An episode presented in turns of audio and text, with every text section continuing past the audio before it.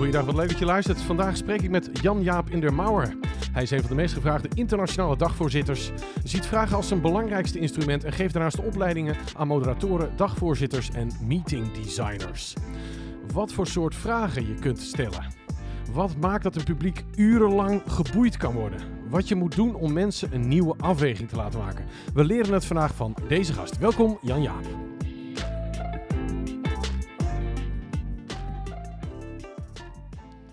Zo, daar zijn we. Yes. Goedemorgen. Goedemorgen. Uit het eh, hele verre Alsmeer. Nou, dat, dat valt voor mij best mee hoe ver Aalsmeer is. En je wou eigenlijk Ik hier wonen, hè? want je Ja. zou stiekem eigenlijk hier een huis gaan, gaan bezoeken ook nog. Dus je bent Ja. gewoon alles, eh, je, je, je houdt eigenlijk stiekem wel van Friesland. Absoluut. Heb je hier roots ook?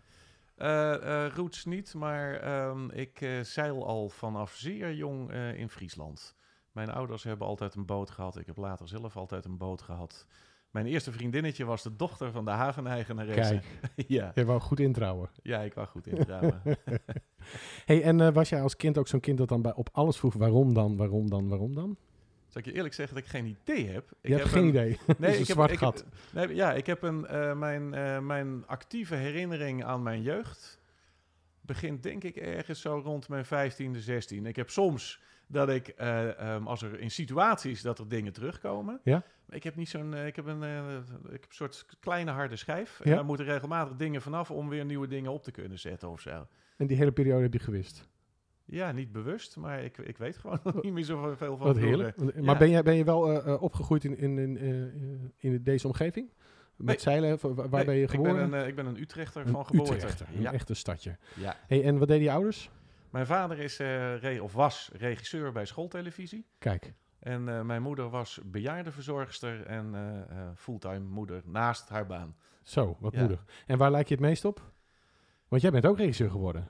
Ja, ik ben ook red, maar min of meer per ongeluk. Ehm, waar lijk ik het meest op? Uiterlijk het meest op mijn vader. Ja. Mijn hoekigheid heb ik ook wel van mijn vader. Ja.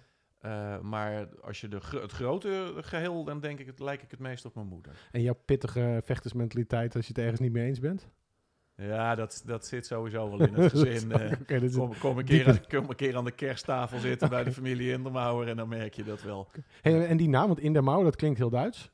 Is, Ja, is, dat, is, dat, ook, is dat ook heel Duits? Of, eh? Nee, het is van origine, eh, ik weet het niet meer zeker, heel Zwitsers of heel Oostenrijks. Het komt ergens uit 1500 of zo. En ja, Je hebt geen familie daar ergens die niet dat ik is? weet. Nee. Nee. Nou, wat heerlijk. Hey, vertel eens, want je begon als televisieregisseur, maar ik, ik las ook iets over de, over de ANWB. Daar ben je ooit nog eens begonnen? Ja, ik, ben, eh, eh, eh, ik heb school voor journalistiek gedaan. Ja. Ben voor mijn gevoel nooit één seconde journalist geweest overigens. Waarom niet? Wat is het verschil? Pff, journalisten doen aan nieuws en, en achtergrond en dat soort dingen. En dat heb ik nooit gedaan. Ik heb op school voor journalistiek meteen al... vond ik dat, dat nieuwsheigen vond ik niet interessant. Waarom vond je het hijgen? Tjoe, ja, het- het s- het snel niet goed over dingen nadenken. ehm, ehm, Dus niet de Eh, tijd nemen ook. nee, niet de tijd nemen. Eh, en wat, wat want ik heb natuurlijk nagedacht over, over dingen toen ik hier naartoe reed. Daar heb je A, lekker de tijd voor als je van Aalsmeer naar Drachten moet rijden. En B, wist ik dat ik in jouw handen ging vallen. Ik dacht, nou, dan moet ik toch een soort van Oh, ja. intelligent overkomen. Oh, Laat ik eens wat dingen bedenken. Ehm, ehm, mijn, mijn, mijn leven is ook wel bepaald door een aantal mensen die ik tegen ben gekomen, die op bepaalde momenten iets betekend hebben. En op de school van journalistiek liep ik vrij snel aan tegen Bob de Ronde. Eh, God hebben zijn ziel. Eh, en Bob trok mij het televisieonderwijs in op school. En dat was niet omdat ik nou zo geïnteresseerd was speciaal in televisiejournalistiek. Maar ik vond hem zo'n interessante man. Ja. En hij ging dingen met ons doen.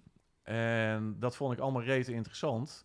En daar heb ik me door laten leiden. En daardoor ben ik daar terecht gekomen. En wat deed hij dan? Want eh, nou gaan we er overheen. Maar wat, wat eh, beschrijft die man eens? Als jij hem aan het werk zag. Eh, de man was een, ehm, een volledige vakidioot. Ik ben later bij hem teruggekomen, omdat ik wat mensen waar ik mee moest werken, moest laten trainen, heb ik door hem laten doen. Ja. Toen stapten wij eind van de middag stapten wij op de fiets. eh, na twee dagen training. En toen viel hij van vermoeidheid van zijn fiets. Oei. Eh, eh, die man die zat "Wah, zo ontzettend in eh, wat hij wilde. Dat vond ik, vond ik waanzinnig. Ehm, dus dat, dat trok me. En wat, wat hij deed met ons was vooral ons heel veel zelf laten uitvinden. Eén grote teringbende. Laten we deden een live uitzending iedere woensdagmiddag tijdens lunchpauze. Dat was vanuit een studiootje in school naar de kantine die hemelsbreed nog geen 50 meter verderop was met één kabel. Eh, en daar keken dan drie mensen. Ja. Ehm, en dat liet hij allemaal eh, gewoon lekker een puinhoop worden. En dan stuurde hij op een gegeven moment met hele kleine dingen, liet hij ons dingen inzien. Eh, hij heeft mij geleerd hoe je een goed tv-item opbouwt. Door dat heel stapsgewijs te doen. Hij zei, pak een camera, ga naar een wijk. En je moet alleen met beeld, zonder geluid, zonder interviews, zonder voor, alleen met beeld moet je laten zien wat voor soort wijk dat is. Oh, dat is interessant. Waardoor die En heel hele- moeilijk ook. ja, waardoor die hele... En dan later mochten we dingen gaan, gaan toevoegen. Ja. Dus je leerde ontleden. ja, en ik zie nog steeds dat als ik nu bijeenkomsten ontwerp... Ja. dat ik nog steeds de methode de ronde gebruik. Dat ik nog steeds eerst terug ga naar... Ik maak eerst een lijn van mensen komen binnen tot mensen gaan weg. Ja. En dan ga ik stap voor stap... Eerst ontleden, terug naar de basis. En vanuit die basis ga ik weer opbouwen. Het is eigenlijk een wetenschappelijke manier om creativiteit te Ja. ontwerpen. We zijn, we zijn erg geneigd, ik ook hoor, ik bedoel nog steeds van nature, om als er een klant binnenkomt, eh, meteen eh, potentiële oplossingen te Ja. gaan roepen. En meteen in mijn geval werkvormen te gaan roepen. Oh, dan kunnen we leuk dit en oh, dan kunnen we leuk dat. En iedere keer dwing ik mezelf weer om terug te gaan naar nee, ja, ja, eerst terug naar de kern, terug naar vragen stellen, terug naar die ene simpele lijn van ze komen binnen tot ze gaan weg. Ja. En die werkvormen, dat komt eigenlijk pas helemaal aan het einde. Die volgen als vanzelf als je één keer Ja. de rest weet. Als je eenmaal weet waarom, wat je wil met mensen, welke stappen ze moeten doormaken, et cetera. En je, en je kwam eh, Bob eh, de ronde tegen. Je Ja. werd geïnspireerd in het televisievak. Anders Ja. dan andere journalistiekstudenten. En toen? Mhm. Nou ja, toen heb ik eh, eigenlijk de rest van mijn schooltijd heb ik, heb ik rondgehangen in de televisiestudio van de school voor journalistiek. Monteren, klooien. Ja, Ja. eh, eh, eh, met camera's, want dat liet hij ook doen. Eh, je moest al het camerawerk zelf doen. Ik ben een waardeloze cameraman. Eh, maar ik moest wel van hem begrijpen wat een cameraman doet. Ja.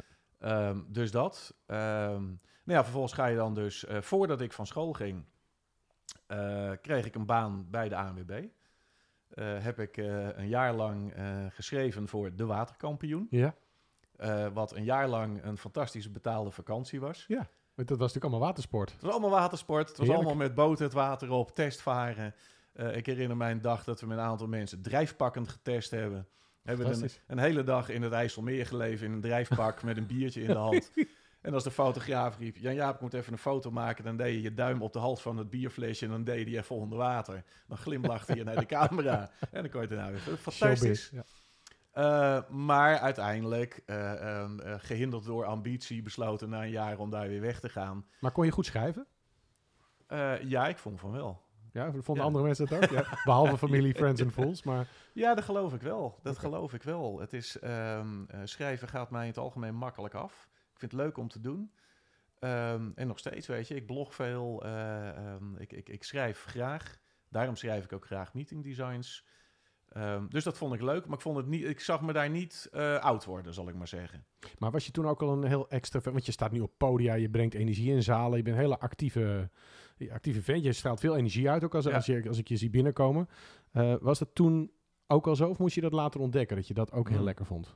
Dat heb ik pas ontdekt toen ik eh, voor het eerst per ongeluk een keer als dagvoorzitter op een podium had gestaan. Oké. Tot die Eh, tijd was jij meer introvert. Ja, ben ik nog steeds wel. Eh, ik, verberg, ik verberg dat achter Ja? een hoofdgeschreeuw. eh.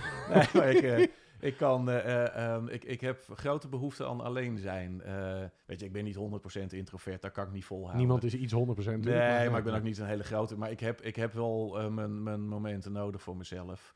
Maar het is ook vooral, ik ben van huis uit, ik bedoel wat ik al zei, mijn vader was regisseur.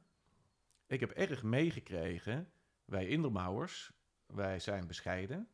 Eh, wij staan achter de schermen. Oh, dat is En interessant. wij, wij sturen van achter de... Het, het was nooit in mij opgekomen dat je ook voor de schermen kon gaan staan. Sterker nog, dat je dat leuk kon vinden en dat je daar goed in kon zijn. Eh, toen ik voor het eerst gevraagd werd voor een dagvoorzitterschap, eh, heb ik ook als eerste nee, natuurlijk niet gezegd. Omdat ik als zoiets had van ja, maar dit- Daar hoor ik niet. Daar hoor ik niet. Dat is mijn plek niet. En wat, welk moment werd je daar dan eh, min of meer toe gedwongen? Bij toeval misschien? Ja, het is, eh, dat, dat is weer een volgende persoon in mijn leven die een belangrijke rol heeft gespeeld. Eh, Judith Major, als je luistert, dank je wel daarvoor, nogmaals. Judith was samen met haar man, Michiel Bijshuizen, die hadden een, een AV-productiebedrijf. Ik werkte bij de spoorwegen Ja. en op de AV-afdeling. En we deden een deel van de, van de producties voor de spoorwegen zelf. En voor deel huurden wij ex- externe producenten in. Waaronder Judith. Waaronder Judith en Michiel. Eh, op een gegeven moment ging ik freelancen. Eh, het beste wat me overkomen is in mijn leven, namelijk een reorganisatie bij de spoorwegen. Eh, ik zat daar 4,5 jaar. Ik denk dat als die reorganisatie er niet was geweest, dat ik uit pure luiheid en gemakzucht nu nog steeds bij de spoorwegen Want je maakte daar ook gewoon hebben. video's van Ja. de spoorwegen. Ja, ik had het ontzettend in mijn zin. en, maar goed, ik werd ontslagen. En toen moest ik wat. Ehm, en toen ben ik freelancer geworden. Toen was Judith A, de eerste die mij aan mijn eerste opdrachtgever hielp. Die heeft mij in contact gebracht met de Rabobank. Die hadden een bedrijfsjournaal. Daar kon ik voor gaan werken. Twee jaar later, of drie jaar later, weet ik niet precies, kwam ze bij me en zei ze... Ja, Jaap, wij doen, zoals je weet, naast eh, films doen wij ook eh, evenementen. Wij hebben een opdrachtgever en dan zoek ik een dagvoorzitter voor. Zou je dat willen doen? Nou, wat ik net al zei, mijn antwoord was... Nee, natuurlijk niet, Judith. En waarom dacht ze dat jij dat moest gaan doen?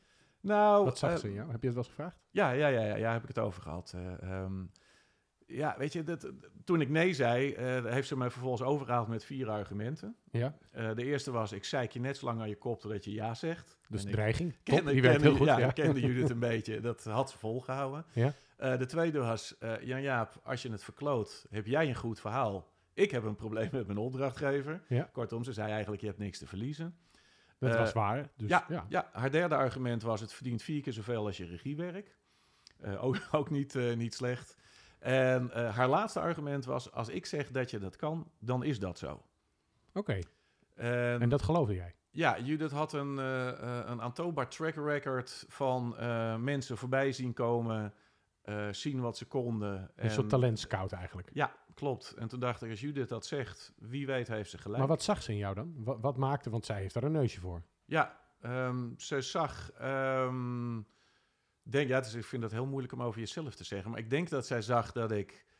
eh, ze zei toen tegen me: Ik zoek iemand. eh, hij hoeft niet knap te zijn, hij hoeft niet showy te zijn.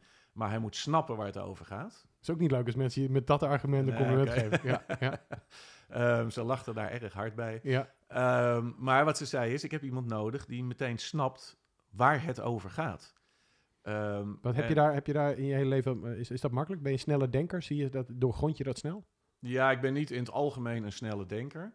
Eh, als, het, eh, als ik ruzie heb met mijn vrouw, verlies ik dat altijd omdat zij veel sneller denkt dan ik. Eh, als het om, om hè, relaties, emotie, dat soort dingen, ben ik een hele langzame denker. Ja. Eh, maar als het gaat om, om inhoud en met mensen op een podium eh, zitten of voorheen eh, met een camera en een interview doen, ik heb snel door waar openingen zitten. Ik heb snel door wat mensen bedoelen. Ik heb snel door waar de kern zit. En heb je ook snel door wat ze niet zeggen? Ja, dat denk ik wel. Ja, ik heb dat nooit zo bewust geanalyseerd, maar dat, dat moet haast wel. En het is, ik, ik weet, ik ben op een gegeven moment als regisseur, ging ik minder zelf regisseren en meer jongeren begeleiden.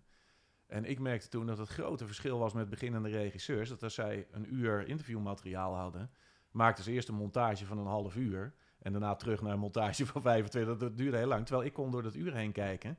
En ik kon gewoon instant zeggen, gelul, gelul, gelul, gelul, gelul, die acht seconden. Gelul, gelul, we, gelul, ja. dat kun je gebruiken. Heel snel. En, en dat heeft te maken met doelgerichtheid. Ik weet namelijk altijd precies waar het voor nodig is. Oké. Ehm, en dat betekent dus dat je uit een interview van een uur...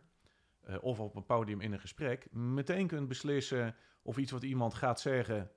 dienstbaar is en waar je ervoor zit of niet. Dus als jij een dag van een evenement ontwerpt en je, je zegt ik heb een tijdlijn van beginnen naar buiten eh, van het publiek, dan Hmm. denk jij ook eerst na wat moet, waar, welk doel dient deze dag? Wat moeten deze mensen Ja. gaan leren of begrijpen? Ja, klopt. Dat is, weet je, want als een dag geen doel heeft, is die bij voorbaat zinloos. Ehm, dus ik vind dat een dag een doel moet hebben. En als jij nou bedenkt, eh, de doel van de dag is dat mensen, weet ik veel, eh, gaan accepteren dat ze gaan reorganiseren, bijvoorbeeld. Of dat ze inzicht, laat ik het positief stellen, dat ze inzicht krijgen in de voordelen die de reorganisatie Ja. voor hen heeft. Ja. En, eh, eh, en ik, eh, ik ben spreker, dan bel je mij op. Ga je me dan van tevoren vragen wat, hoe ik dat ga doen? Ga je mij dan al een beetje op de grill leggen om mij ook duidelijk te maken, je zult... Nou, er zit, er zit zelfs nog een paar stappen voor. De, Ja, de, vertel eens. de, de, de stap is eerst, weet je, eerst heb je dat einddoel. Vervolgens ga ik het opleden in, oké, mensen staan bij het begin en aan het eind wil ik ze daar hebben. Welke stappen zijn er nodig om ze zover te krijgen? Nou, doe eens live, want we hebben dus mensen Nou. die moeten inzien dat die reorganisatie voor hen ook goed is. Welke Ja. stappen kunnen daarin zitten? Nou, de eerste stap eh, kan zijn, eh, ehm, weten ze al waarom de reorganisatie überhaupt moet? Oké, het geld is op. Ja. Ja, weet Ja. je, dat, is, eh, dat kan. Ja. Als ze dat al weten, kun je die stap overslaan. Ja. Ehm, ik kan gaan analyseren, zijn ze in het algemeen voor, alleen weten ze niet hoe, Ja. of zijn ze tegen? Nou, dat is al een wezenlijk verschil. Want als ze tegen zijn, zul je ze eerst moeten gaan overtuigen. Als ze voor zijn, maar niet weten hoe het uit gaat pakken en hoe ze het uit moeten Moet voeren, informeren. verhaal. Ja. En als je dat hebt ontleed, dan kom je dus op een tijdlijn waarvan je zegt: Oké, dan moeten we stap 1, 2, 3, 4 zetten in de loop van een dag. Dan heb je deeldoelen, want dat betekent dat aan het eind van iedere stap heb je voor die stap een doel. Ja. Dan moeten ze aan het eind van de stap moeten ze dat en dat weten of begrijpen. Dan ga ik pas kijken, wat heb ik daarvoor nodig? En dan is één van de opties is een spreker. Er zijn, als ik jou zo begrijp, heel veel opties. Ja, en dat Hoeveel opties hebben we? Noem er eens een paar. Eh, je kunt een quiz doen. Ja. Ja. Je kunt eh, mensen een werkopdracht geven waarin ze zelf iets moeten gaan ontwerpen of bedenken. Je kunt mensen een spel laten spelen. Je kunt een interview doen op het podium. Je kunt er een, eh, een zoektocht van maken. Je kunt mensen een half uur buiten laten lopen met de opdracht om over één vraag na te denken. Mhm. Weet je, je hebt daarin een, een, een miljoen En zijn het allemaal dingen die jij zelf bedenkt, of zijn het dingen die er gewoon zijn? Is er, is er een soort scene die jij hebt, eh, waar, waar jij dat allemaal hebt opgedaan en verzameld, of verzin jij zelf dat soort werkvormen? Eh, beide. Je wordt, eh, weet je, in de, in de loop van je, van je leven wordt je, je toolbox wordt steeds, steeds beter gevuld. Ja, maar die kan gevuld worden met anderen of met dingen die jij verzint. Ik, mer ik merk dat ik in de loop der jaren meer zelf ben gaan verzinnen. Oké. Als je net begint, althans in mijn geval, eh, ehm, had dat te maken met rondkijken, wat is er, en dat gebruiken. Dan kwam bij mij de stap rondkijken, wat is er, dat oppakken en bijschaven en aanpassen. En steeds vaker ben ik in staat om eh, eh, niet rond te kijken, maar gewoon zelf te denken, wat zou hier nodig zijn en hoe kan ik dat bereiken? En Judith vroeg jou de eerste keer. Dat weet je Ja. vast nog heel goed eh, voor de ogen te halen, ondanks jouw beperkte harde schrijfruimte. Want het is natuurlijk een impactvol ding. De eerste keer dat je op zo'n podium kruipt, ook als je Ja. overtuigd bent dat je daar niet hoort. Eh, toen had je toolbox al niet zo vol. Ging dat goed die dag? Ja, dat ging goed. Maar dat kwam omdat het een eh, betrekkelijk eh, traditionele dag was. Ehm, met vooral veel sprekers eh, die ik moest aankondigen. Waarbij ik met het publiek eh, QA's begeleide en dat soort dingen. Alleen het was daar wel voor hun belangrijk dat iemand snapte welke vragen uit de zaal er wel en niet belangrijk waren. En welke kant het daarmee op moest. En dat ging Maar- vanzelf goed? Ja, eigenlijk wel. Dat verbaasde mijzelf ook. eh, ehm, eh, Dus dat is een Ja. talent, blijkbaar. Ja, dat is niet dat iets is- wat je goed kunt Nee. leren. Dat moet je... Nee, maar, maar ook, ook daar zit weer gewoon dat podium opklimmen en zien wat er gebeurt. En op dat moment besluiten wat daarmee moet, omdat je weet wat het einddoel is. Weet je, als je weet waar je naartoe gaat, dan kun je dus eh, ook eh, routeaanpassingen eh, kun je, beter doen, omdat je weet nog steeds waar je naartoe wil. Ik heb ooit, ehm, kun je je misschien wel herinneren, volgens mij een jaar of twee geleden, is die Poolreiziger verzopen. Ja. Ja, die heb ik ooit als spreker gehad.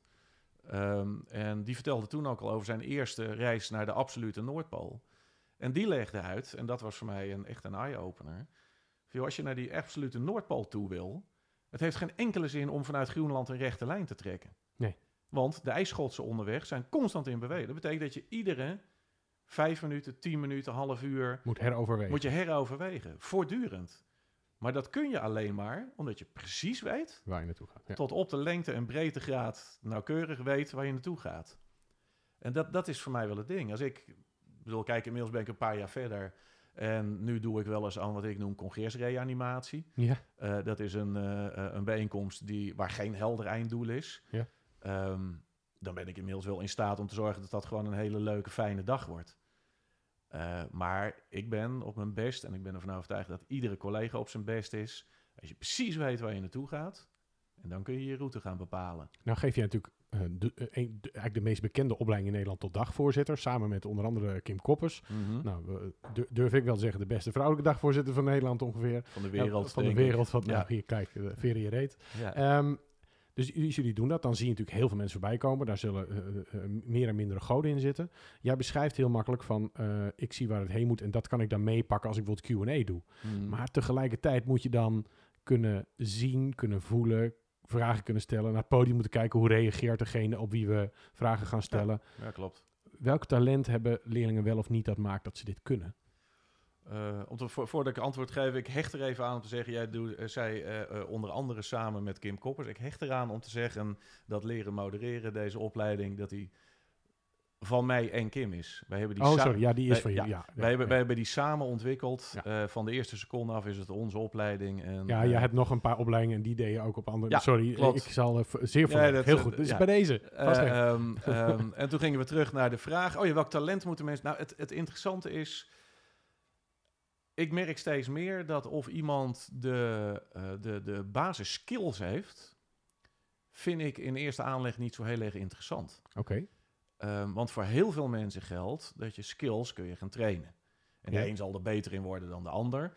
Maar um, um, als ik zie, uh, als ik iemand ga opleiden tot hoogspringer... Ja, weet je, ik bedoel, misschien uh, spring jij hoger uiteindelijk na drie weken training dan, ja, dan ik. Ja. maar het eerste waar ik naar kijk is... hoe graag wil iemand hoger springen dan die nu uh, doet? En bij een dagvoorzitter geldt, waar ik vooral naar kijk, merk ik steeds meer, is houden mensen echt van hun publiek? Dat klinkt ontzettend uh, ezo-hysterisch misschien. Um, maar daar gaat het uiteindelijk wel om. De mensen die binnenkomen in de training... of de mensen die zich bij mij melden... mag ik bij jou in, Ja. het, uh, in het bestand van dagvoorzitter.nl... Het eerste waar ik naar kijk is... Um, um, hebben ze die liefde voor mensen in de zaal? Willen ze echt iets? En kun je liefde hebben voor alle soorten mensen? Of heb je dan ook nog weer dat ze vaak een specifiek type mensen leuk? Moet je dan echt van iedereen kunnen houden? Nee, dus, kijk, er zijn dagvoorzitters die in een bepaalde niche zitten. Dus die houden van één type onderwerp. En jij houdt van mensen. iedereen. Ik hou van... Uh, Dames en heren, mocht je ooit eenzaam voelen, Jan Jaap houdt van Ja. iedereen. Ja, weet je, laat, laat ik één voorbeeld noemen. Uh, um, hij gaat mij dit uh, absoluut vergeven dat ik dit zeg. Frans Michelbrink, um, briljant congrescolumnist, maar ook briljant dagvoorzitter. Als je het heel strikt zou bekijken en alle wetten van dagvoorzitterschap op een rij zou zetten, zou Frans waarschijnlijk uh, hopeloos uh, falen voor de test.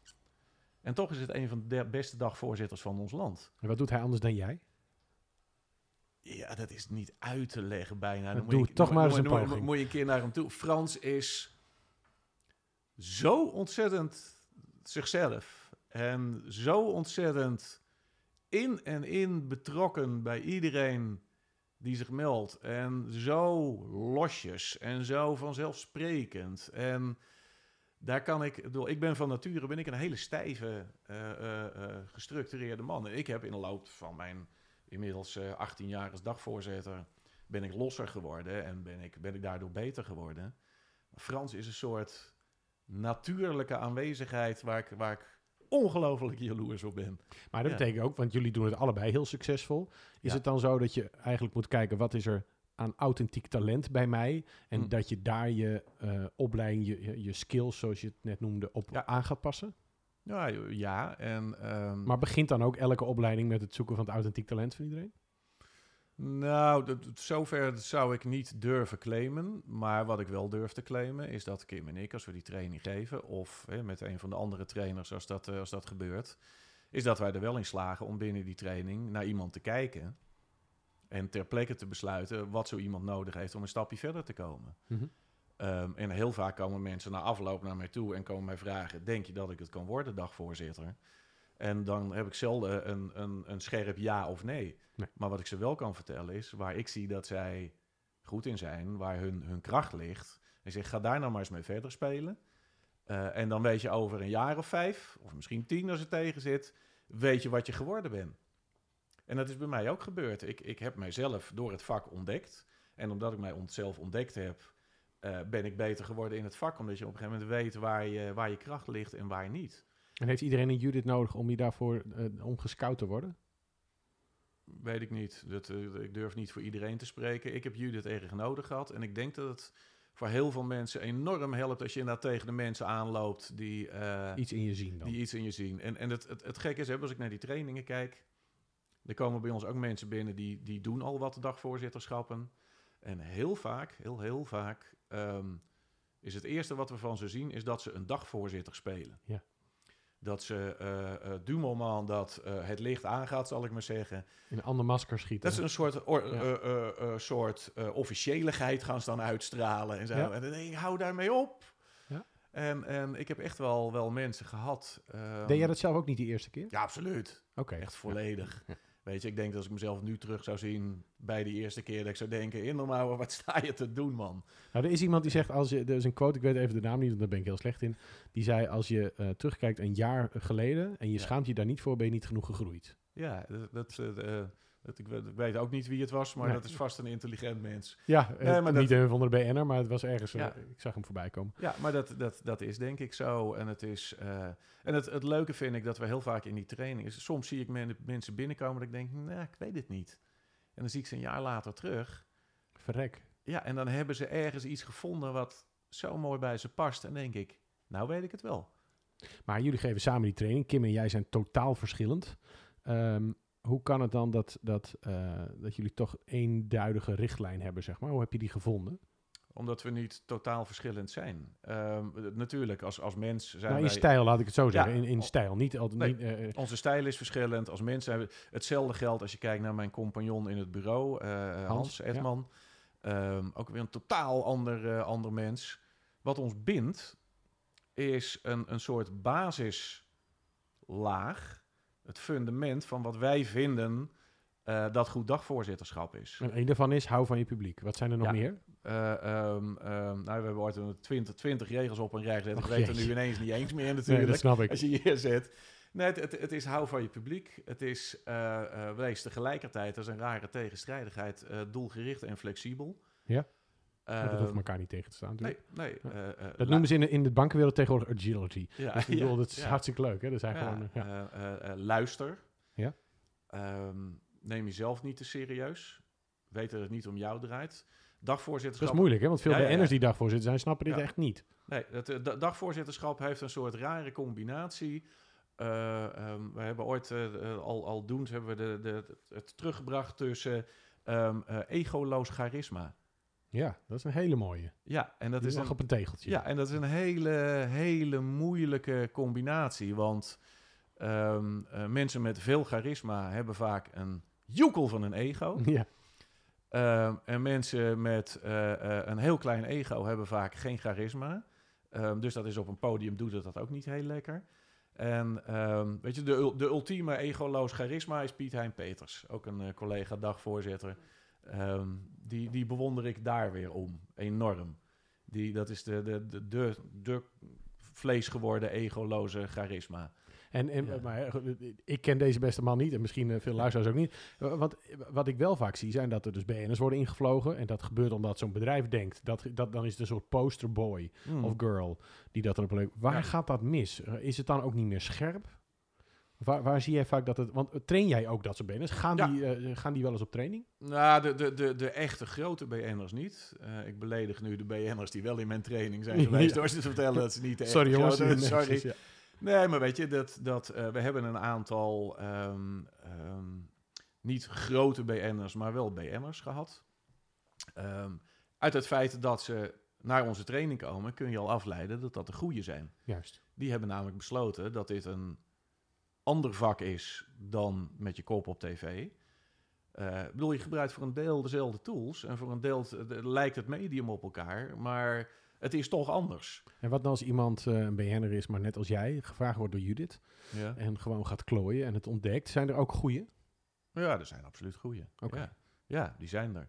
En uh, dus, dus je, ik zeg ook niet huur geen BN'ers. Maar zijn dat dan vaak journalisten die ook toch een beetje die kritische blik in die vragen hebben? Of, of kan nee, het net goed nee. een bekende voetballer zijn? Ja, mensen kunnen vanuit hele verschillende uh, richtingen kunnen ze een hele goede dagvoorzitter worden.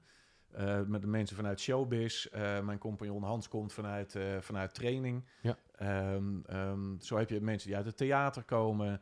Mensen die uit allerlei verschillende... die uit een inhoudelijk specialisme komen. Mm-hmm. Gewoon vanuit de gezondheidszorg...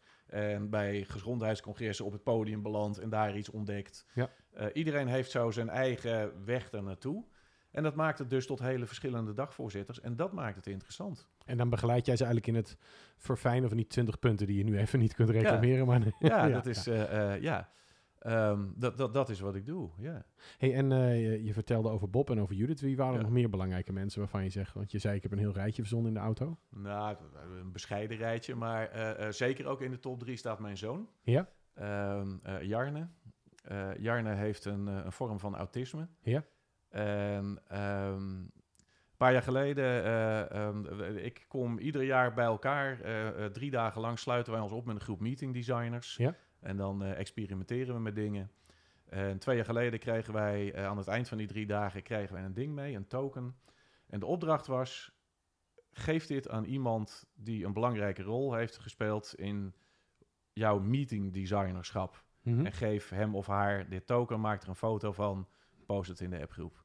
Eh, daar heb ik over nagedacht en uiteindelijk heb ik het token aan Jarne gegeven. Ehm, omdat, ik wil kijken, ah, ik, ik hou zielsveel van hem. Het is, eh, het is mijn zoon, het is dus een prachtig mens. Eh, maar B, heeft hij mij geleerd dat mensen die tussen aanhalingstekens anders zijn, ehm, dat je daar je moet kunnen verplaatsen. Dat je anders naar dingen moet kunt, kunnen leren kijken. Perspectief van een ander omarmen. Ja, en, en weet kon je dat niet in het begin? Was dat moeilijk? Dat is heel moeilijk. Weet je, als je een, een, een, een zoon hebt die. ehm, weet je, er- er zit, geen, er zit veel minder wederkerigheid in een Hmm. relatie.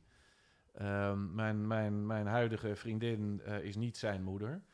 En daar heb ik gesprekken mee over gehad. Dat, dat zij zei: Ja, maar hij heeft geen band met jou. Eh, nee, dat, dat, nu, nu zeg ik het te hard. Dat wil ik ook weer niet doen. Maar eh, we hadden gesprek over wat, wat is dan die band Ja. met, met, met een zoon die autisme heeft. En steeds meer kwam ik erachter dat hij wel degelijk een band met mij heeft. Maar anders. Mhm. Anders dan ik gewend ben. En dat, dat, dus dat je als vader op zo'n moment heel veel dingen los moet laten. En alleen maar moet kijken naar wat is er en hoe zit dat in elkaar. Nou, daar ben ik een heel veel betere dagvoorzitter en een heel veel betere meeting designer Wat geworden. is er en hoe zit dat in elkaar? Ja, Dus dat is eigenlijk een hele goeie, goed advies Ja. wat je eruit krijgt. ja. Is dat ook een van die twintig fundamenten geworden? Ehm, ja, niet zo letterlijk, maar dit, eh, dit, dit staat er wel in. Dus Ja, ook je ontwikkeling als, als mens, als ouder, als vader... kan heel veel impact hebben op jouw interactie met mensen in de zaal.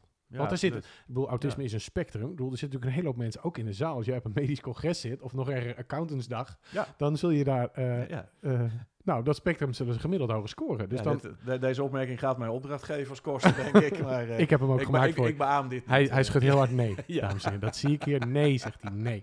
Nee, nee maar ik bedoel het niet lullig, maar in de zin van Nee, het, leren omarmen van de verschillende kijk van mensen. Ik bedoel, ik moet vaak voor mijn klanten heel veel mensen interviewen. En je ziet gewoon heel duidelijk Ja. verschillen ja, in hoe mensen inderdaad wederkerig op, op je reageren. En, en, en dat zie je misschien in extreme mate als, als die score op het spectrum wat hoger is. Maar, Ja, dat klopt. En, en, en dat is dus altijd een kwestie van altijd je verplaatsen in de ander en je afvragen wat daarachter zit. Waarom? Eh, ehm, een, een maar voorbeeld. dat weet je niet altijd. Als iemand een, uh, spectrum nee, maar heeft, weet je dat niet altijd. Nee, maar je kunt wel naar iemand kijken en meebuigen met hoe iemand communiceert. Is dat En- nieuwsgierigheid? Ja, en, en oprechte belangstelling voor wat iemand drijft en bezighoudt enzovoorts. En dat is, weet je, voorbeeld wat jij kent omdat je de training hebt gedaan. eh, wat ik hier ook graag wil noemen is, ik heb een keer iemand gehad in zo'n asielzoekersbijeenkomst. Ehm, en ik hield hem de microfoon voor zijn mond en hij zei, weet u wat het is meneer de dagvoorzitter? Wat mij betreft mag die mevrouw van het COA eh, als eerste verkracht en onthoofd worden. Ja. Ehm, en dan heb je dus... Dan de moet je wel heel veel moeite doen om dat perspectief te... Of was jij het helemaal met hem eens? Nee, Nee, nee, nee. nee, nee, goed, dat moet ik even eerst vragen Ja. natuurlijk. Hè? Nee, die eerste neiging is om hem een knietje te Ja. geven. En de tweede neiging is om hem uit te gaan leggen eh, eh, dat hij dat niet mag zeggen. En je moet uiteindelijk gaan voor je zesde of je zevende neiging. Die namelijk bij mij was vragen, waarom zegt u dat? Ja. En wat zei hij toen?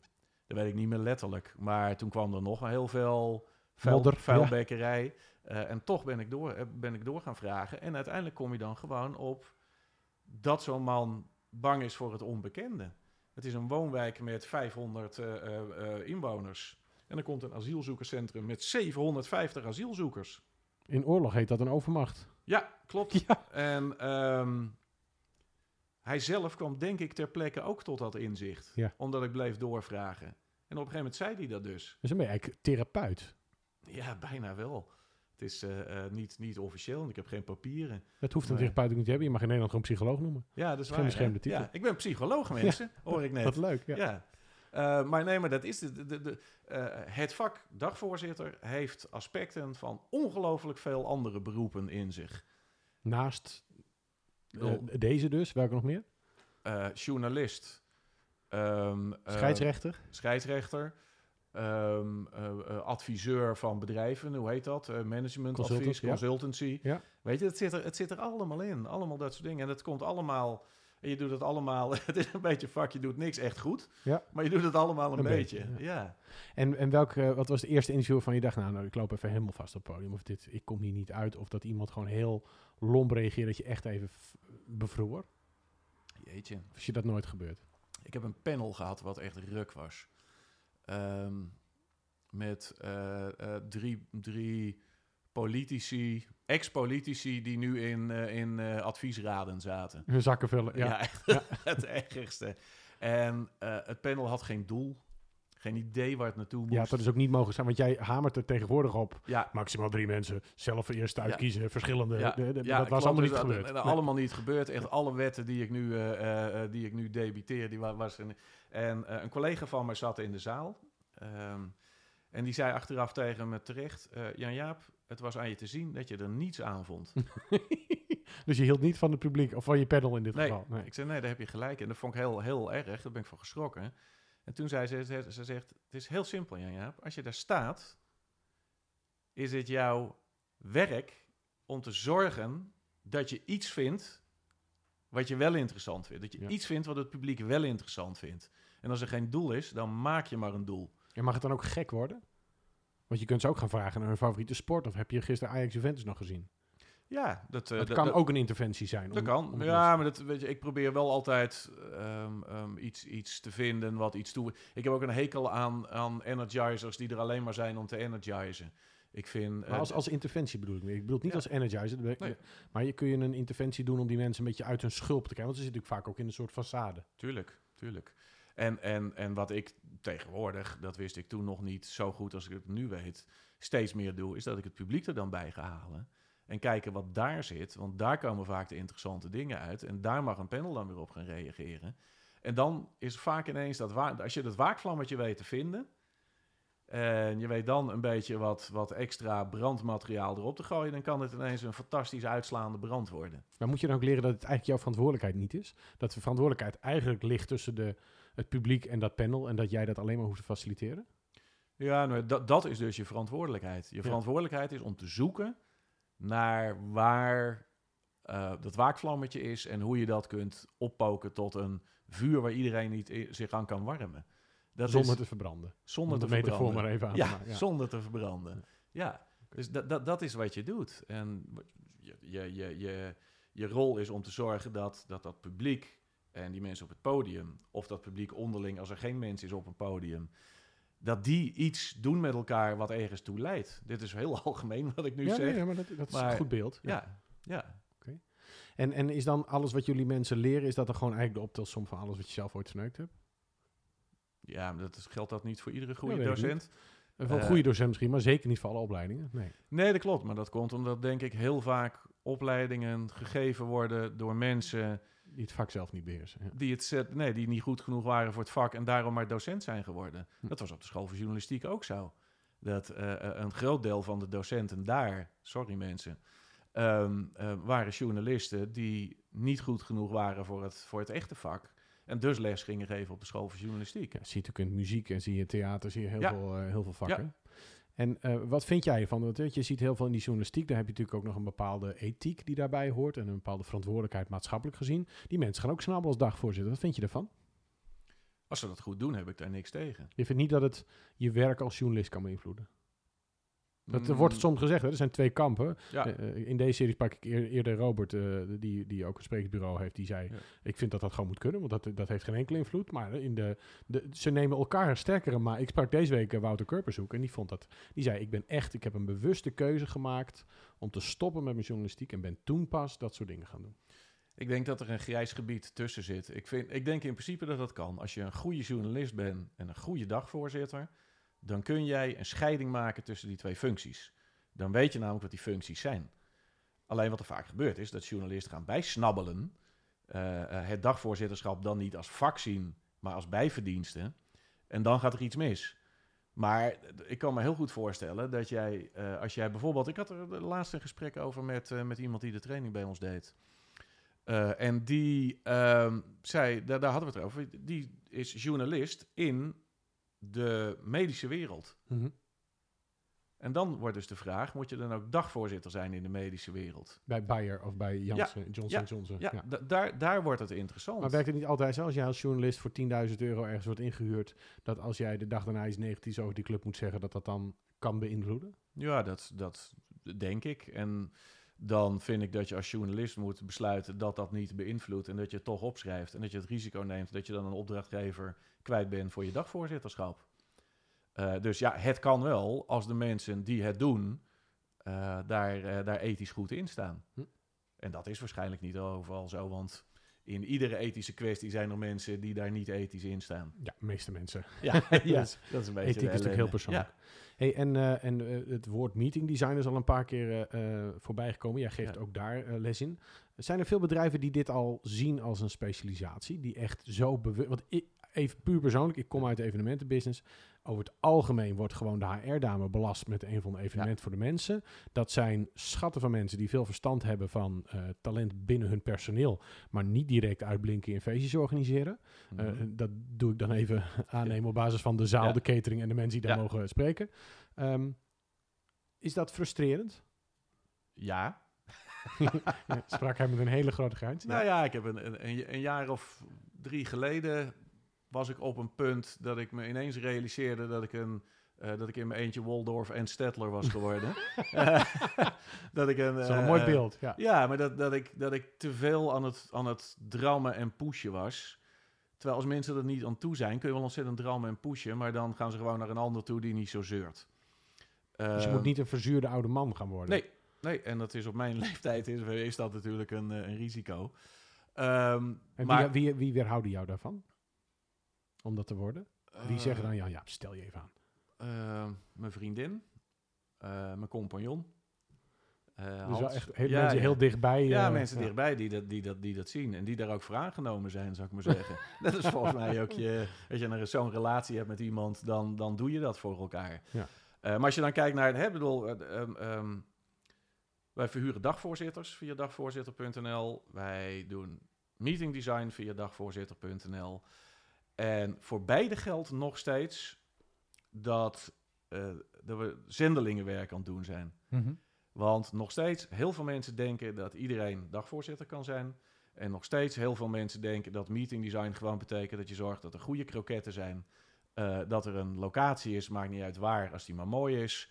eh, en dat het programma bestaat uit een paar goede sprekers. Dat is de standaard. Ja. Maar we hebben een tipping point gehad. We hebben een omslagpunt gehad. En ik merk zo de afgelopen twee, drie jaar dat langzaamaan steeds meer mensen openstaan voor een andere manier van kijken. En dus open gaan staan voor goed dagvoorzitterschap en voor goed meeting design. Dan heb je vast ettelijke biertjes en, met, en gesprekken met mensen gewijd aan de vraag hoe is dat nou gekomen? En wat kwam daaruit? Eh, nee, wat is er eigenlijk- gebeurd, dat tipping point? Ik bedoel, de crisis is voorbij. Is het gewoon zo, als er meer geld is, dat de, kwaliteit, de kwaliteit omhoog gaat? Nee, nee dat is een heel lang proces waarin aan de ene kant een aantal mensen daar al heel lang tegenaan geduwd hebben. De push. En aan de andere kant mensen ook wel merken dat hun deelnemers het niet meer pikken om alleen maar te zitten en saaie te dag luisteren. die ochtends al binnenkomen met gapende... Ja, en dat, is, eh, eh, en dat het ook niet effectief meer is. Dat het niet werkt. Mensen gaan het merken. En, nu zit, en kijk, het is nog steeds niet zo dat ik bij congressen, als ik die ontwerp, ehm, een blanco vel krijg. En dat ze zeggen, weet je Jaap, doe Dus maar, pot geld, maken ze een leuke dag. doe, doe maar zo spectaculair als jij wil. Bij heel veel opdrachtgevers werkt het zo dat ik binnenkom, dat er een draftprogramma staat wat standaard is. En dat ik eerst in kleine dingetjes ga toevoegen. Ga vragen, kunnen we daar misschien vijf minuutjes dit, beetje zo. Dan merken mensen dat het werkt. En als we dan volgend jaar terug mogen komen, mogen we in plaats van 5%, mogen we misschien wel 15 of 20% van het programma aanpakken.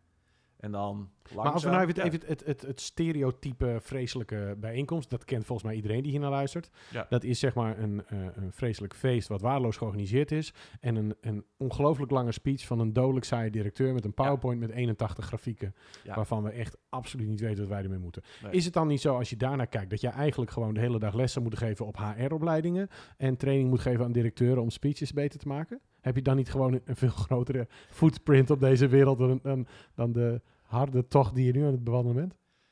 Ja, misschien wel. Ehm, alleen eh, de aanname is hier dan dat ik ehm, ehm, dat dat weet je, ik doe ik doe dingen ook een beetje omdat ze op mijn pad komen en omdat ik Ja, dit klinkt als een vind. waardeloze smoes, Jan Jaap. Dit is, Ja. dit, nou worden we makkelijk. Eh, Ja, Ik denk dat- het- ik, ik, ik heb gewoon niet overal, niet overal zin in en niet overal tijd nee, voor. maar luid, die HR-community, dat zijn echt welwillende mensen. Die hebben het meest belang bij jou, zijn vaak klanten. Waarom geef je niet grote evenementen waarbij je die mensen leert hoe leuk het kan zijn? Of het ze laat ervaren van mijn part?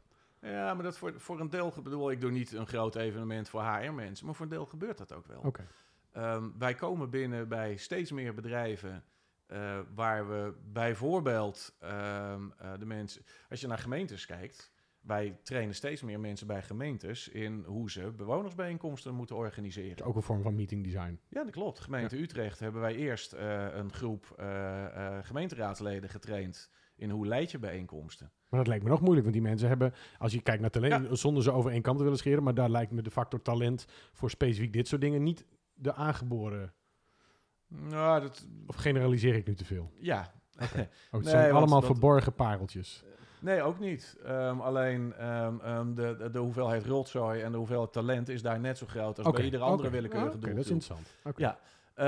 En nu binnenkort gaan we terug naar de gemeente Utrecht om de mensen die daar de bijeenkomsten organiseren, om die te gaan trainen in eh, hoe zorg je dat dat programmatisch goed in elkaar zit. Dus daar, daar, daar gebeurt best wel veel. Minder dan jij nu eh, probeert mij eh, te laten doen de komende nee, nee. Maar, de, dat, maar het is, het is een, het is een, ehm, een langzaam pad. Weet je? Maar ik stel me even, want ik, ik ben Ja. visueel denk ik. Ik stel me jou voor even in jouw basisrol als regisseur. Je hebt van die televisieregisseurs, sommige mensen kennen die, die eh, David Griffhorst, die dan de, dat vreselijke ding van de EO, de Passion en zo allemaal Ja. doen. Maar dan zie je zo'n man in de vrachtwagen met heel veel schermpjes. Ik zie jou een beetje voor me als de regisseur die daar zit en die eigenlijk precies weet op dat schermpje, dit moeten we doen, zo moet het allemaal zijn. Nee, wat- nee, wat- laten we even voor de- ik ben nooit televisie. Nee, dat bedoel ik, dat weet ik, dat weet ik. Maar in de zin Ik van, heb altijd één camera dingen gedaan. Ja, maar de rol, de rol van, Ja. oké, ik zie het allemaal, ik weet het, we moeten nu daarheen, nu camera 3, daar, close. Jij weet, jij voelt als geen ander aan hoe dat moet, maar eigenlijk ben je natuurlijk ook een, een soort, eh, soms de, de paljas en de poort of de eenzame roepende in de woestijn. Want mensen zien dat, moet je mensen niet die vrachtwagen intrekken om te laten zien, kijk, eh, dit is het. Ja, maar goed, dat is het mooie van het vak van dagvoorzitter. Ehm, je hebt constant een vrachtwagen vol. Er zitten 80 of 100 of 200 of 400 mensen in een zaal. Ja. En die, Die- ervaren dat Die live. zien wat ik doe. En Ja. die zien dat ik het anders doe dan wat er vaak gebeurt. En die zien dat de mensen bij ons in het bestand, weet je, we hebben inmiddels geloof ik eh, 35 dagvoorzitters nationaal en internationaal rondlopen. Ehm, dat zijn allemaal mensen die het anders doen dan wat mensen gewend zijn. Dat betekent dat je voortdurend mensen in de zaal hebt zitten die denken, wow, zo kan het ook. Dit was goed, dit was leuk, dit was... eh, maar gaat dat snel genoeg? Werkt dat goed genoeg voor je? Want ik zie je ook wel, eh, wel eens strijden online en dan ja. zie ik je eh, ik- en denk ik dat ja, ja, ik snap het. Ik denk ook hij heeft gelijk, eh, zeker vaak. Ik bedoel dat, Ja. eh, dat, eh, het, is soms een beetje heftig, maar ik denk wel dat ja, de man's got a point. Eh, maar daarom denk ik van, zouden mensen jou niet beter moeten kunnen begrijpen? Is er niet een manier waarop het veel makkelijker voor je wordt? Dat denk ik wel eens. Ja. Ja, als je die manier hebt, dan hoor ik het graag tot nu toe. Nee, maar bij wijze de HR, dat je gewoon een HR-opleiding of community hebt waarvan je zegt, joh, mag ik je eens uitleggen hoe het nog veel leuker kan? Voor misschien nog wel hetzelfde geld. Ja, nou ja, misschien moet ik dat gewoon gaan doen. We gaan hier straks even koppelen. hey, nog even, want je zegt eh, eh, eh, makkelijk internationaal. Ja. De eerste keer word je misschien in België gebeld, maar op een gegeven moment dan, yes, dit is Jan Jaap. Mhm. Spreek je zo goed Engels meteen dat je dit gaat doen? Of ga je dan op taaltraining? Want, want dit is allemaal heel inhoudelijk. Je Ja. spreekt met mensen in hun moerstaal. Dus ik kan me Ja. voorstellen, als je in Letland staat, die gaat Engels spreken, dat die mensen dan ook even moeten schakelen. Hoe ga je ermee om? Ehm, het feit dat mijn Engels goed is, maar niet native, ehm, helpt. Dat betekent namelijk dat als een let hoort, of een, eh, een Indiër, of een Pakistaan, of een Zuid-Afrikaan. Nou, Zuid-Afrikanen spreken goed Engels. Maar en die spreken zelf niet goed genoeg Engels, Hoef zich niet te schamen. dan hoeven ze zich niet te schamen. Als ze aan mij horen dat mijn Engels weliswaar goed is, maar dat ik overduidelijk niet uit Engeland kom, is de drempel om iets tegen mij te zeggen is lager. En jij gaat dat dus ook niet expres niet faken. Je gaat niet. Ik Good morning everyone. Ik ga in Oxford, Nee, Oxford nee, Engels nee. en ik, eh, eh, als ik ineens een hele rare opmerking maak eh, omdat ik een verkeerd woord grijp, moet ik daar zelf erg hard om lachen. Maar daar heb je ook wel lef nodig. Want je, je hebt dus ja. ook een status of een, een positie bereikt in je carrière dat je niet meer hoeft te schamen. ja. Nou ja, en dat, dat is A, heeft dat met leeftijd te maken, denk ik. Het einde zichtbaar niet meer uit. Nee, er, er, er, komt, komt een moment dat je denkt, fuck it, eh, kan mij het schelen wat mensen ervan denken. Ehm, ehm, en B komt het ook omdat ik het vakmatig bekijk. En ik dus gewoon merk dat met hoe ik het doe, dat ik die connectie met...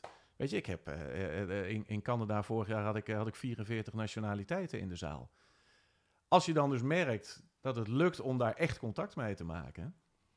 ehm, dan ben je dus ook de schaamte voorbij. En dan denk ik, ik hoef helemaal niet te schamen voor een woordje wat ik mis. Daar gaat Want het ik merk Ja. dat het werkt. Dat, Ja. het, dat, het, dat de connectie er is. En dan kan stunteligheid eh, of een klein foutje ook nog alleen maar een manier zijn om dichter bij die mensen. Die kwetsbaarheid kan heel Ja. aanstekelijk zijn. Ik, ik, ik vind ook dat... ehm, eh, ik vind het niet interessant of eh, een dagvoorzitter een gelikte presentator is... waarin alles perfect gaat. En dat is vaak waar BN'ers dan voor ingehuurd worden. Ook internationaal. Want dan wordt het allemaal perfect. Ja. Bijeenkomsten moeten nou juist niet perfect zijn. Nee. Want mensen gaan meedoen op het moment dat ze merken dat er een, een kleine rommeligheid in zit. Ehm, dat het op een menselijk niveau plaatsvindt. Dan voelen ze zich veel vrijer om zich ermee te bemoeien. Maar nou kwam jij net binnen bij mij thuis en dronk even een kopje thee buiten. Ja. En toen vertel jij over een internationale award eigenlijk in deze business. Hoe heet die? Iets met een B? De BIA Best Event Awards. De Best Events Awards. En die zeiden, hey Jan Jaap met je grote mijl, we vinden eigenlijk best leuk wat je doet, want je mocht vorig jaar een paar sessies doen. En nou zeiden ze, kom maar aan boord misschien. En eh, als partner geloof ik. En, Ja. en ga dit eens even... Maar ja, dat moet natuurlijk wel perfect, of niet? Nee, want anders, eh, ik hoop dat ze me anders niet gevraagd zouden hebben. Ze hadden namelijk vorig jaar en de jaren daarvoor hadden ze Een. Een moderator, gewoon zo'n keurige die vooraf bedachte, bedachte tekstjes netjes opleest. oh, eh, ehm, waardoor het allemaal netjes in, maar die geen connectie met het publiek had. En wat ze gemerkt hebben is, we hebben daar eh, met, met twee collega's een paar deelsessies gedaan. En wat ze van iedereen terugkregen, was dat daar een echte, een echte connectie was. En dan valt het dus niemand meer op dat ik een, een zin verhaspel. Want ze merken dat ik echt met ze praat en echt naar ze luister. Maar dit is op het hoogste niveau een soort epiphany, mag je toch wel zeggen? Ja, ja. Als ze in die scene bij de Best Event Awards dit als nieuws zien, dan Ja. ben je bijna een eh, soort eh, profeet. Eh, ja, eh, jouw woorden. Ik zie je ongemakkelijk worden. Ja, ja, ja. dat zou ik mezelf ook Nee, niet maar het, aanpraten. het, maar, het, ja. het, is wel... ehm eh, we gaan hem dus komende november doen wij dus het hele programma. Eh, we gaan er met vijf man naartoe. We doen alle sessies. En dan ga ik er dus vanuit, en hoop ik in ieder geval, dat dus alle eventmanagers en communicatiemanagers van alle grote bedrijven die daar zijn, want er komen echt alle grote bedrijven, dat die ook ineens gaan zien Zo kan het ook. dat daar iets anders gebeurt dan wat ze gewend zijn. En dat dat leuker is, beter, effectiever vooral. En dat is, eh, eh, dat, dat is wat we daar gaan doen. En als jij nou eh, morgen op een gegeven moment wakker wordt en je voelt jezelf wat heeser en een week later Ja. denk je, hé, mijn stem is nog steeds weg. En in één keer, je stem blijft weg. Ja. Wat ga je dan doen? Wat wordt dan je, ga je dan nog wel meetings designen? Wat is dan je grootste passie die overblijft, als je niet meer kunt lullen? Eh, zeilen. Dan ga ik, dan ga ik op een, nou ga je er even vanuit dat je al binnen bent. Dan ga ik- wacht ga, even. ga ik op een boot zitten. En, ja. Nee, ja, dan, dan zal ik moeten, nog meer moeten gaan schrijven. Ehm, en dat doe, zal ik dan ook met grote liefde doen. Ehm, En waar zou je over gaan schrijven? Nou, dan ga ik in ieder geval eindelijk dat boek schrijven. eh, het handboek dagvoorzitterschap, zou ik maar zeggen. Ehm, Want dat staat echt nog wel op je bucketlist. Ja, dat staat eh, hoog op mijn bucketlist. Ik kon er niet toe. Ik moet mezelf ertoe gaan, eh, gaan zetten. Al is het alleen maar omdat ik het fucking irritant zou vinden als iemand anders me voor zou zijn. Ja, dat kan ik me wel. Ja, maar dat zou een ego-dingetje toch wel worden. Ja, dat is, dat is absoluut. Daar, daar, zit, daar zit mijn ego-dingetje. Dat, eh, eh, weet je, ik zal niet zeggen dat ik, het, dat ik het vak uitgevonden heb. Maar ik durf na al die jaren en, en na wat ik doe internationaal inmiddels wel te zeggen ehm, eh, dat ik een autoriteit op het gebied ben. Dan wil ik ook wel dat boek geschreven hebben. En dan moet dat daar liggen en dan moeten alle eh, communicatieopleidingen moeten dat eh, gaan gebruiken. En van wie, want als, als dagvoorzitter ben je natuurlijk hè, ben je ondergeschikt aan de, aan de doelen. Maar Ja. van wie zou je de erkenning uiteindelijk het liefst willen krijgen dat je die autoriteit bent? Wie moet je dat geven dat het echt voelt? Hmm. Ikzelf in de eerste plaats. Daar zijn we dus nog niet. Oké, goed. Nee. Ja. Nee, het is de, de- me- meer, meer dan eh, tien jaar geleden durf ik te zeggen dat ik goed ben. En ik bedoel, vijftien jaar geleden deed ik het al een paar jaar, durfde ik eigenlijk niet eens te zeggen dat ik dagvoorzitter was. Ja. Weet je, dat is een, een, een, ehm, dat is een la- langzaam proces. Ja. Dus om te beginnen is het de erkenning voor mezelf dat het boek er ligt en dat ik dus kennelijk iets weet. Ehm, dat ik het kan lezen en denk, nou, dat is helemaal niet zo onintelligent wat deze man hier beweert. Ja, ja. Eh, dus dat. En, en, en verder een paar, een paar vakbroeders die het waarschijnlijk nu ook al wel weten, maar Maar als ze nu luisteren Ja. naar dit, wat jij ze natuurlijk straks allemaal gaat doorsturen, ja. dan eh, eh, eh, wat moeten ze jou sturen dat je, dat je denkt, ja oké, dit, is, dit is goed zo? Als ze jou whatsappen, ja, misschien ben je er al, of ja, voor mij ben je het al, dan, dan voelt het dan, geloof je het dan al meteen? Mm, het- het- eh, ja, deels wel. en, en deels ga ik dan mompelen, eh, eh, eromheen mompelen en eh, zeggen dat het allemaal wel meevalt. En, Het is toch de bescheidenheid van vroeger, wij horen het achter de schermen. ja, een beetje wel. Zit Het is, eh, ehm, ehm, Kim met name heeft mij erg geleerd dat ik complimenten ook echt moet aanvaarden. In plaats van weglopen en zeggen dat het toch vooral het publiek was, of dat het zo'n leuke dag maakte en dit en Hm. dat en zus en zo. Ja, Sluiten we daarmee. Dankjewel. Ik vond het ontzettend leuk gesprek en dat meen ik oprecht. Dames en heren, het was een gesprek met eh, Jan-Jaap Indermauer. Wil je meer weten? Kijk op eh, dagvoorzitter.nl. Eh, daar kun je hem vinden en al zijn vrienden die met hem de wereld veroveren. En ben je nou een eh, HR community manager of denk je, ja jeetje, wij hebben dat probleem. Bel deze gasten, want ik, ik ken hem een beetje. Hij weet echt wel hoe dit werkt. Dit is echt heel erg leuk en ook heel inspirerend. Dankjewel voor het luisteren. Tot de volgende.